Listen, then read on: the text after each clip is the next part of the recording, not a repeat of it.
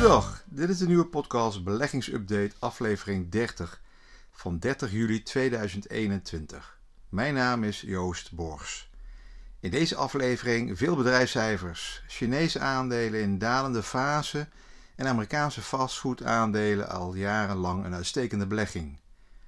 Nou, het sentiment, zeker in Europa, was weer goed. Maandag even wat dalen en de rest van de week naar nieuwe beursrecords. De campinghoos in volle vaart verder. Ondersteund door goede cijfers van bijvoorbeeld eh, Shell en ArcelorMittal. Shell gaat het dividend weer verhogen. Eh, dankzij de hogere olieprijs is de winst fors gestegen in vergelijking met vorig jaar. Shell is ook een beetje tegendraads en zegt ook duidelijk dat ze nu nog willen profiteren van fossiel, want de winstmarge is vele malen hoger dan die van groene energie. Dus nog even wachten met die transitie. Ik heb het al eerder gezegd, Shell wil eerst nog fossiel uitmelken en de kaststroom hieruit investeren in duurzame energie. Maar het tempo bepalen zij zelf en niet de rechtbank. AX is in ieder geval nog niet vermoeid geraakt en het beleggingsgeld blijft maar toestromen. Het vakantieseizoen en ook seizoenscijfers zijn nog in volle gang bezig. Verleden week kwam de ECB met de rentevisie en zoals verwacht niks nieuws. Ook de Amerikaanse centrale bank verandert nog niks. De komende jaren kunnen we nog rekenen op lage rente. Ik zie persoonlijk niet in waarom de rente maar op nul moet blijven.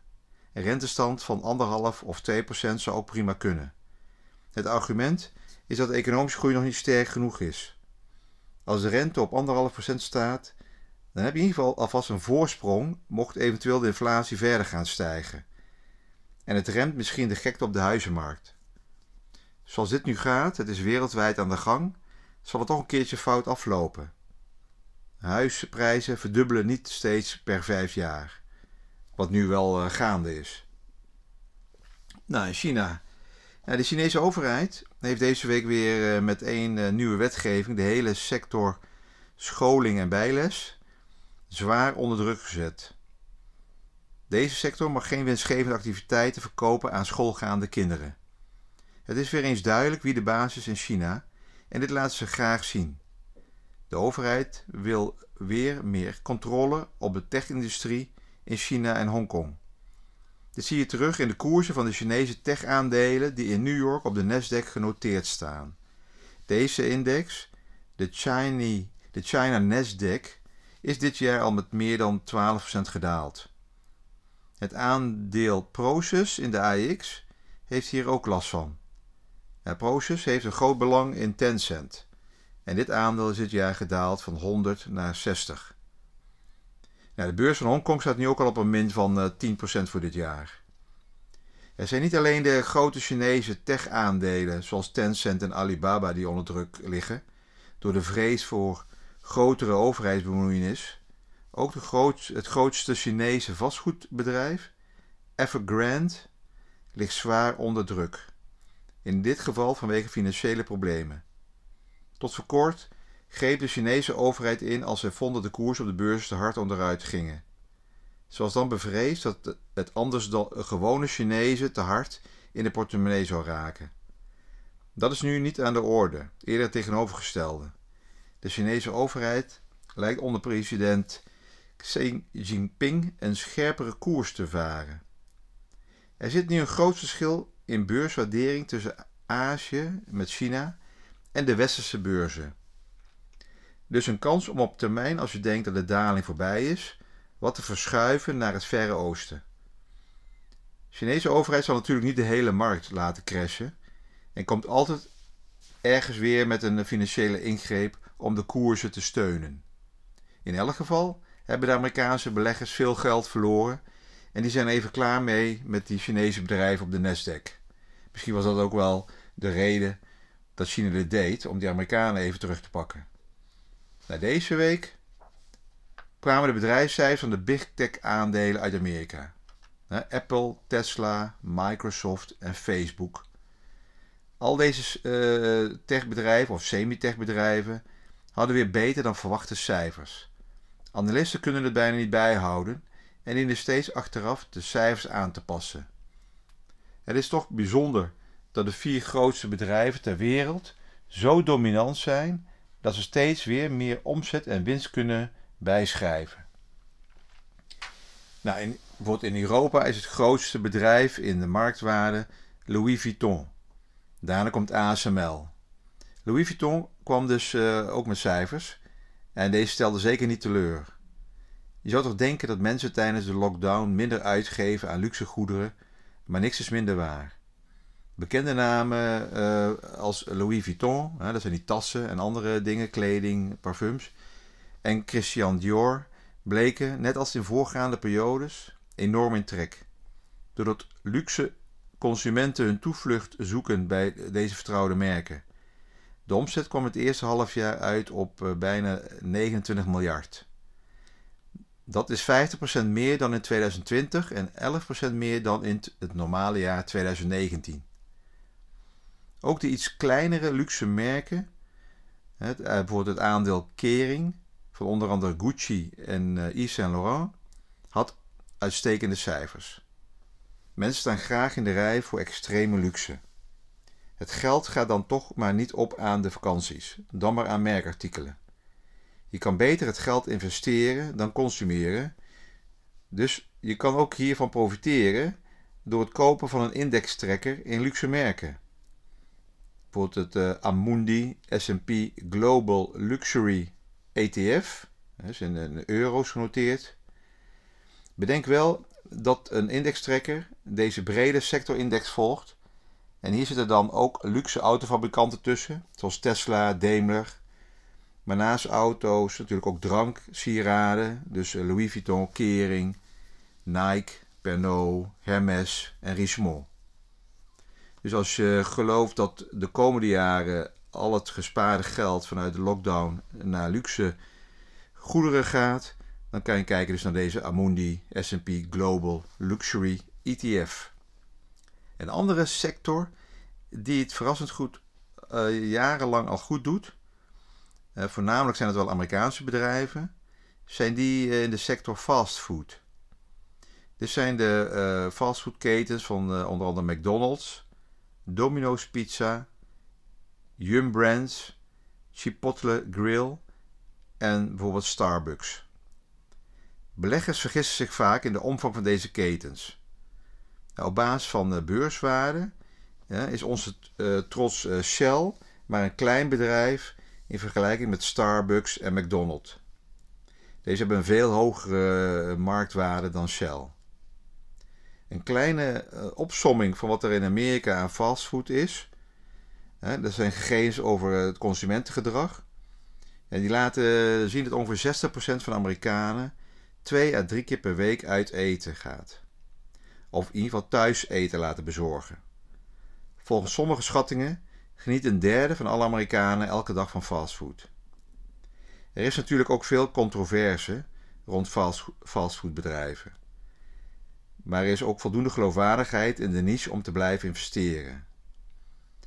Ja, analisten zeggen van ja, als Amerikanen nu twee tot drie keer eh, per week uh, uit eten gaan of uh, het, het, laten bezorgen, dan kan die twee, drie keer misschien opgerekt worden naar vier, vijf keer. Want je kan ook je ontbijt laten bezorgen. Of je kan ook gaan lunchen bij de McDonald's. En dat doen de Amerikanen toch ook zo vaak. Dus er zit misschien nog wel wat ruimte in. En dan heb je natuurlijk het gezondheidsgebeuren, wat uh, een beetje druk op deze fastfoodbedrijven. Maar die, die grotere fastfoodketens weten ook wel dat de markt verschuift naar meer duurzaamheid, meer vegan en gezondheid. En daar spelen ze natuurlijk hier op in. McDonald's is bijvoorbeeld als voorbeeld een, ook een bedrijf die hun kaststroom ook richting de beleggers laat vloeien is echt een, een dividendbedrijf. Keren uh, behoorlijk goed dividend uit. Zit in die lijst van uh, dividend aristocrats. Daar had ik verleden week, of die week daarvoor, had ik het erover in mijn uh, podcast. dat zijn de dividendaristocraten. dit betekent dat dit aandeel de laatste 25 jaar het dividend steeds iets heeft verhoogd. De andere hebben misschien ook wel een, een iets lager dividend, een lage dividendrendement, maar kopen wel vaak eigen aandelen in. Wat in theorie natuurlijk de koers kan ondersteunen. en tot een hoger niveau kan tillen. McDonald's als voorbeeld, die hebben ongeveer 37.000 zaken in bezit. Daar komt ook een behoorlijke kaststroom vandaan. Want eigenlijk is het meer een vastgoedfonds. En verdienen ze hier alleen al een huurinkomsten circa 4 miljard dollar per jaar aan. Nou, Yum Brands is eigenaar van onder andere eh, Kentucky Fried Chicken, Pizza Hut en uh, Taco Bell. En die hebben ongeveer zo'n 40.000 zaken wereldwijd.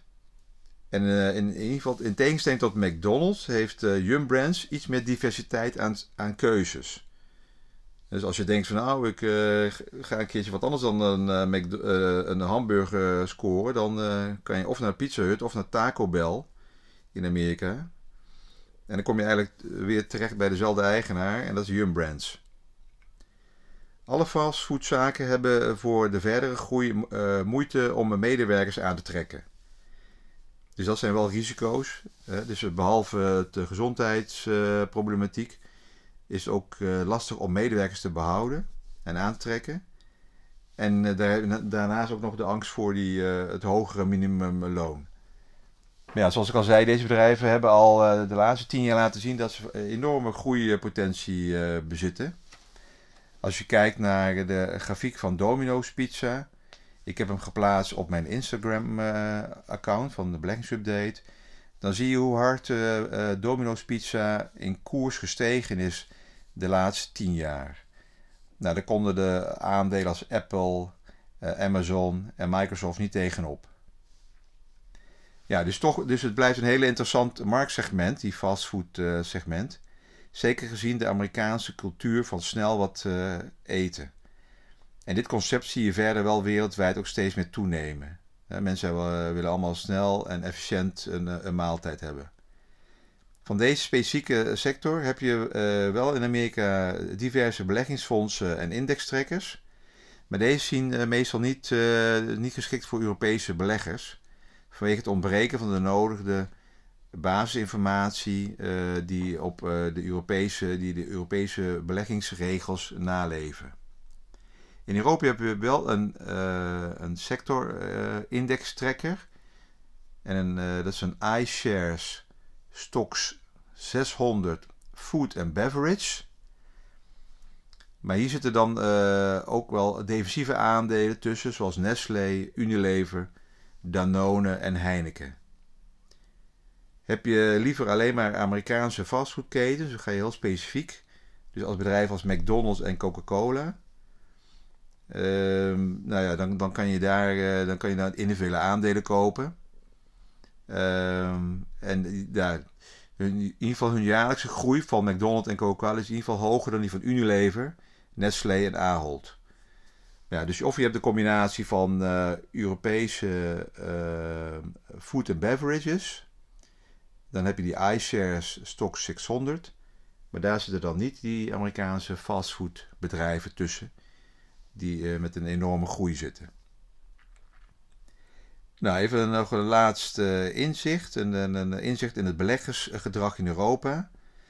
Uh, soms geven de data van Bink uh, Bank en de Giro uh, deze data.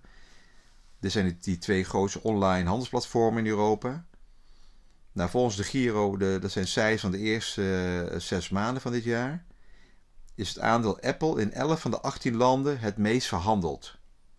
Eh, Tesla in zes landen en Shell maar in één land eh, stond bovenaan als meest verhandeld aandeel. En dat is natuurlijk in, Nederland.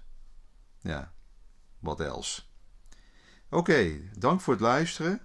Alles natuurlijk op persoonlijke titel, geen direct advies en openbare alles op basis van openbare informatie. Je kan me ook volgen dus, uh, op Instagram, beleggingsupdate. Nou, en tot de volgende week.